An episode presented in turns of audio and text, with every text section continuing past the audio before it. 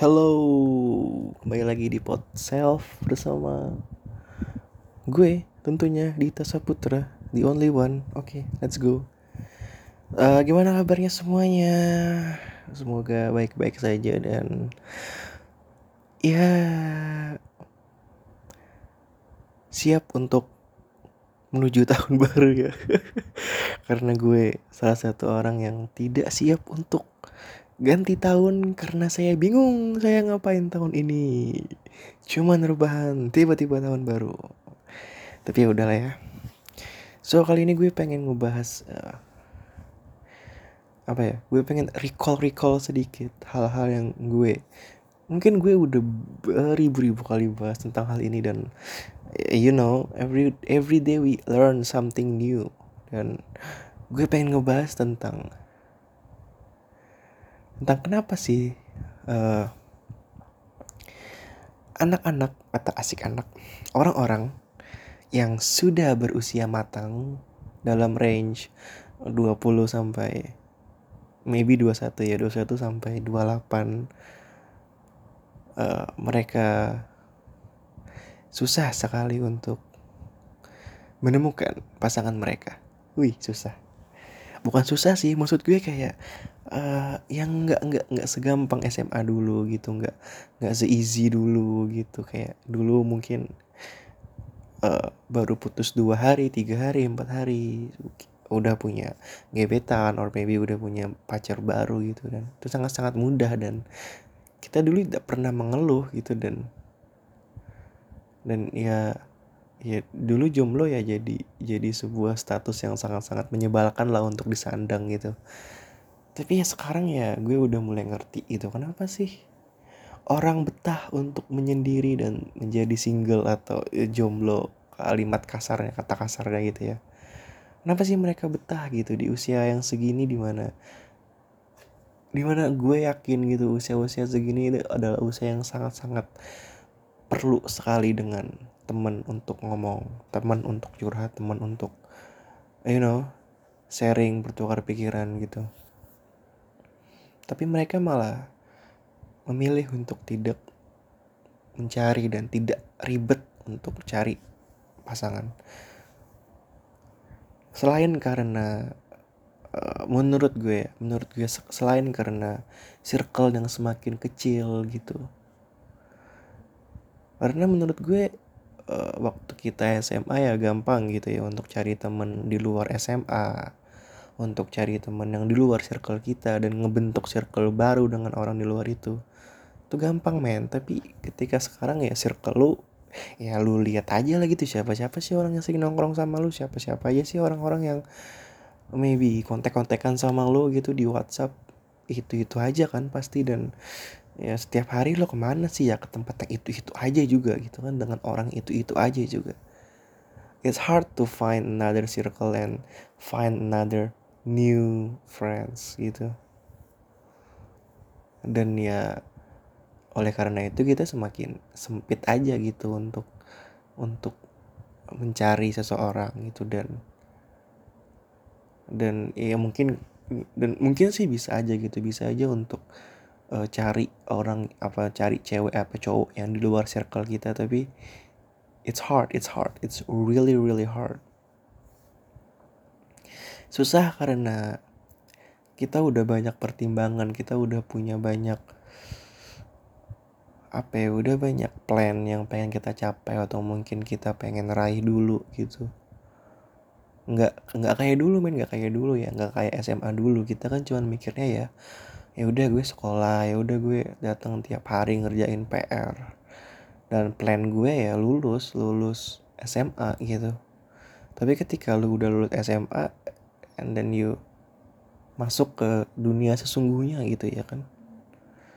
Ya plan lo nggak cuman pengen kuliah atau pengen dapat kerja gitu. Lu pasti punya plan-plan yang lain gitu dan itu udah jangka itu udah jangka panjang like 10 years 5 years. Lu lima tahun lagi mau bikin apa lu 10 tahun lagi mau ngapain gitu dan lu udah ngesiapin itu semua dan lu udah berusaha lah untuk meraih itu. Dan ya banyak banyak faktor yang yang jadi pertimbangan kenapa susah sekali mencari uh, pasangan atau mungkin cuma teman gitu di ruang circle karena lu udah mikir itu lu mikir faktor-faktor itu faktor dari internal lu sendiri faktor faktor dari eksternalnya gitu ya. Mungkin di sini gue bakal ngebahas ke uh, cari pasangan ya mungkin gue nggak bakal ngebahas tentang cari temen gitu. Karena menurut gue cari temen masih masih bisa aja gitu masih gampang. Tapi untuk cari pacar lu atau cari pasangan gitu lu kayak eh males gitu yang pertama mungkin yang pertama. Untuk kenal orang-orang baru untuk uh, struggle maybe. Untuk sacrificing something. Karena lu tahu dan lu pasti ngerti kalau ketika lu pengen uh, deket sama orang atau lu pengen jadian sama orang lu harus mengorbankan sedikit banyak hal dalam hidup lu. Mungkin itu waktu mungkin itu materi. You have to. Terus like nggak semua nggak mungkin mungkin mungkin mungkin alasan yang paling paling bisa diterima gitu ya menurut gue. Alasan yang paling bisa diterima kenapa orang-orang yang sudah berumur itu susah atau mungkin males atau mungkin emang itu bukan goals mereka gitu untuk cari pasangan dalam waktu dekat ya. Mungkin karena mereka tidak siap berkomitmen. Mungkin buat teman-teman semua yang dengar itu dan ngerasa itu bullshit atau cuman alibi ya mungkin karena kalian nggak ngerasain itu karena kalian tidak berada di posisi itu tapi mungkin kebanyakan orang-orang di sana yang uh, masih betah untuk menyendiri masih ya enjoy their life gitu dengan kesendiriannya. Mungkin mereka cuman belum siap untuk berkomitmen. Karena seperti yang gue bilang tadi ketika lu berkomitmen lu lu harus mengorbankan sedikit banyak hal gitu. Lu harus memperjuangkan ini itu dan itu perlu tenaga dan itu perlu effort untuk meraih dan mendapatkan semua itu. Dan lu pasti mikirnya kayak ah daripada gue capek-capek untuk setiap hari ke rumah dia gue bisa setiap hari. Mungkin eh, waktu-waktu yang itu gue bisa manfaatin dengan hal-hal yang lebih berharga gitu. Mungkin ketika lu kerja kantoran lu bisa istirahat gitu ya kan. Mungkin lu kerja dari mulai jam 7 pagi sampai jam 5 sore dan malamnya lu mikir lebih baik gue istirahat gitu daripada gue jalan sama gebetan gue. Ya gitulah banyak banyak pertimbangannya yang bikin lu dalam tanda kutip belum siap untuk berkomitmen. Dan itu menurut gue salah satu alasan yang mungkin mungkin paling gampang diterima lah gitu ya dulu gue gue dulu gue denger alasan kayak gitu. Ah apaan sih gitu? Ah alibi ah bullshit gitu. Bilang aja lu ceweknya banyak bilang aja lu cowoknya banyak gitu kan. Tapi ketika lu ngerasain itu dan itu emang bukan alibi sebenarnya itu emang alasannya kenapa mereka mungkin mereka deket sama satu orang mungkin mereka udah kelihatan gitu kan gerak geriknya lagi deket sama siapa gitu. Tiap hari sama siapa tapi mereka nggak ada hubungan tapi ya hubungan mereka gitu-gitu aja. Karena ya itu tadi menurut gue karena mereka takut buat berkomitmen. Karena setiap komitmen lo harus mengorbankan sesuatu. Dan lo harus uh, punya effort untuk mewujudkan komitmen itu dan mungkin banyak hal yang bisa lo raih selain memperjuangkan cinta lo itu. Mungkin lo bisa berjuang demi kerjaan lo atau apa gitu. So banyak faktor banyak faktor yang mempengaruhi itu. Dan dan ini adalah menurut gue jeleknya berkomitmen. Jeleknya berkomitmen sisi negatifnya. Karena menurut gue setiap hal punya sisi negatif dan positif positif positif dan ini adalah sisi negatif dari berkomitmen. Yaitu kadang-kadang kadang-kadang kita tidak sadar. Dengan berkomitmen kita membatasi diri kita sendiri. Kita takut untuk step up. Karena kita punya komitmen dan kita mikirin perasaan doi. That's it. Dalam artian lu nggak bakal bisa maju gitu. Bukan nggak bakal bisa sih lu takut buat maju karena lu punya komitmen yang harus lu jaga dan lu mikirin ini itu gitu.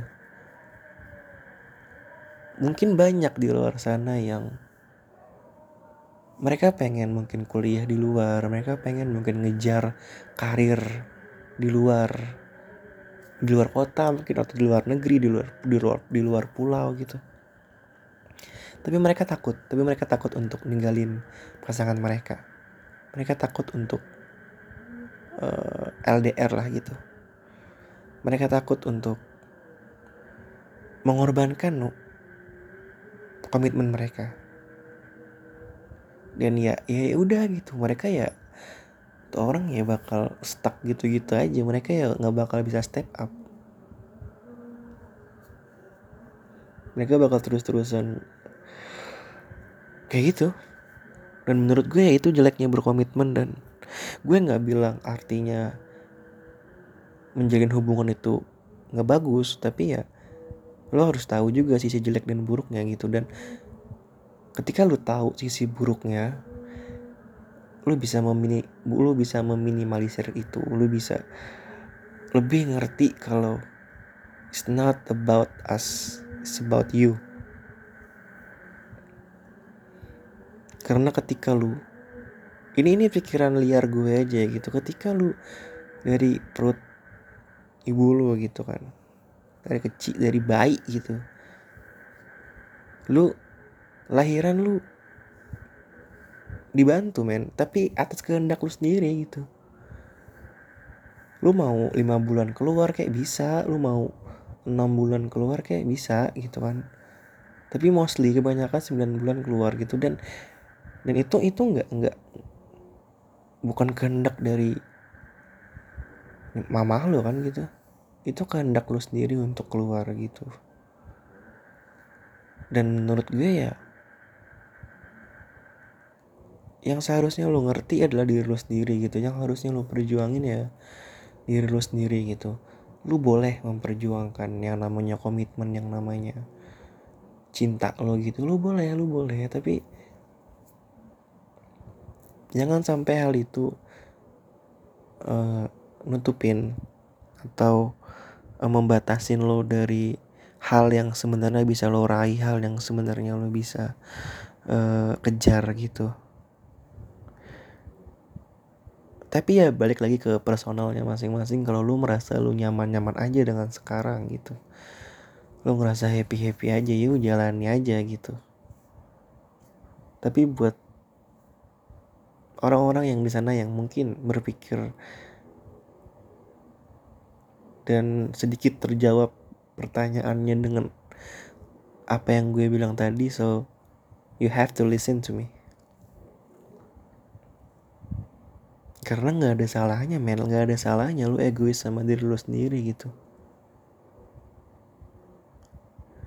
Orang banyak orang mungkin banyak salah salah persepsi dengan kata egois gitu.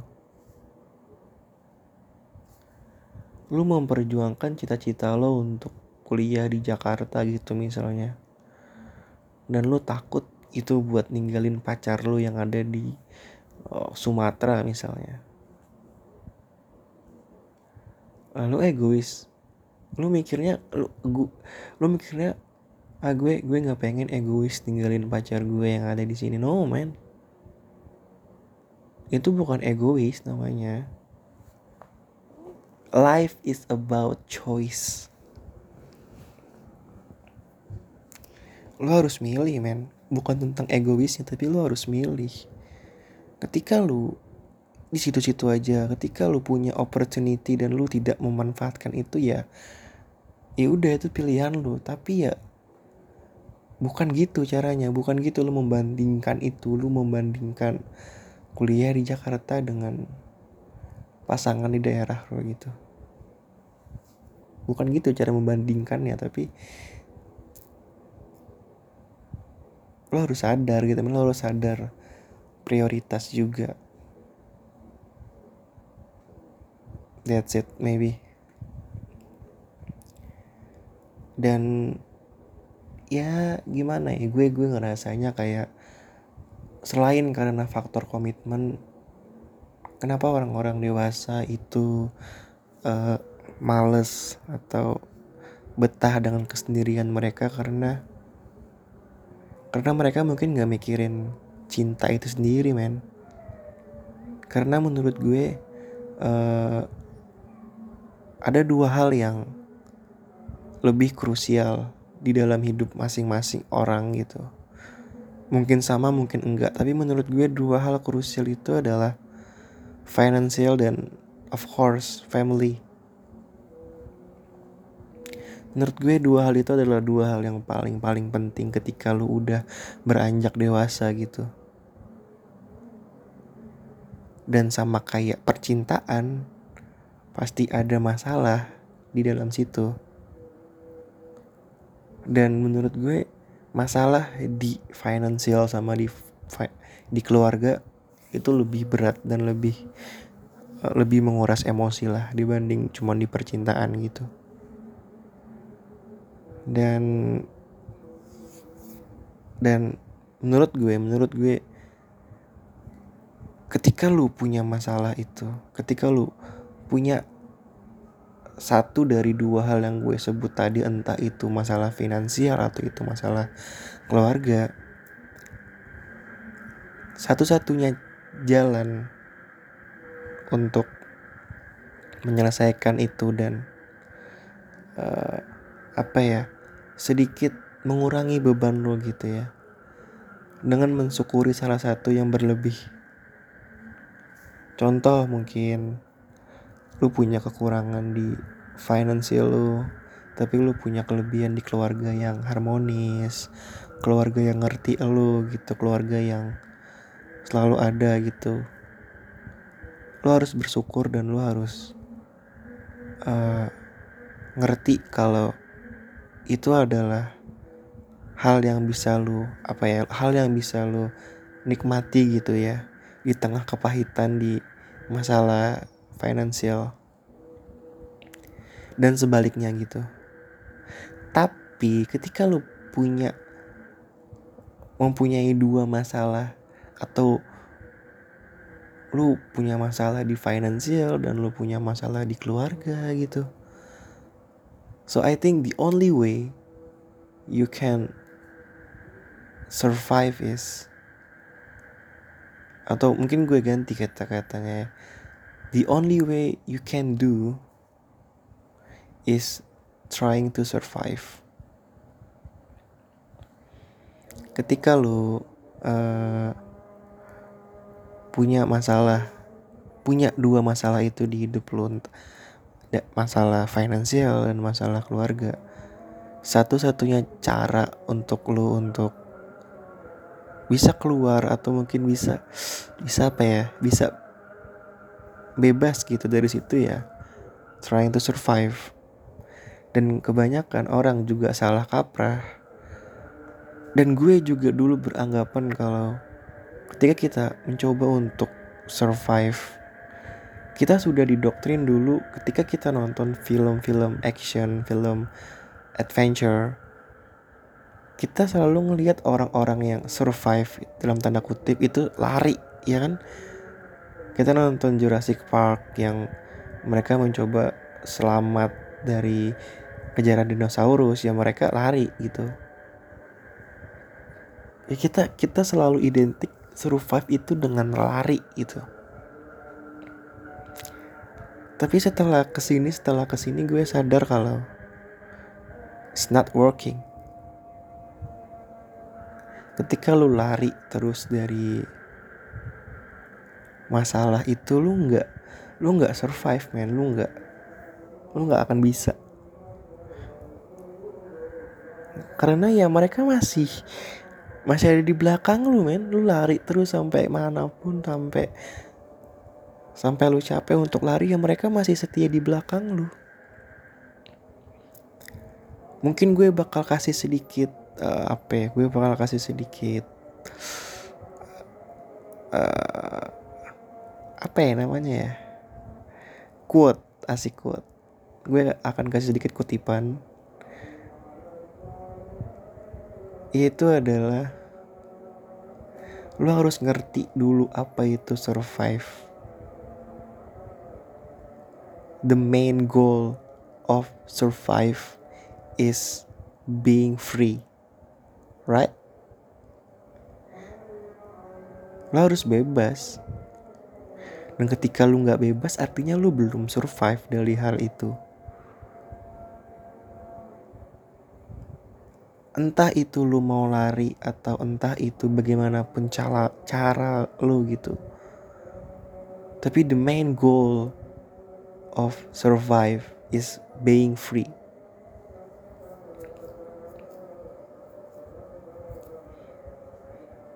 Dan menurut gue nggak ada cara lain untuk menjadi bebas selain lu harus berani menghadapi masalah itu. You have to stand tall in front of your all problem. Dan lu harus berani menghadapi itu, lu harus ya mencoba untuk menyelesaikannya, mencoba untuk cari jalan keluarnya. Karena biasanya orang yang yang lagi dalam sebuah masalah yang mumet, yang rumet, yang rumit gitu ya. Mereka berfokus pada masalahnya bukan ke cara atau jalan penyelesaiannya gimana gitu. Dan itu yang bikin masalah itu muter-muter aja dan makin besar gitu jadinya. Gue dulu percaya gitu kalau I have to survive I have to survive from this kind of problem. Dan gue ngelakuin hal yang menurut gue bisa untuk bikin gue dalam tanda kutip lupa dan sejenak lari dari masalah itu. Tapi semakin kes makin ke sini ya it's not working.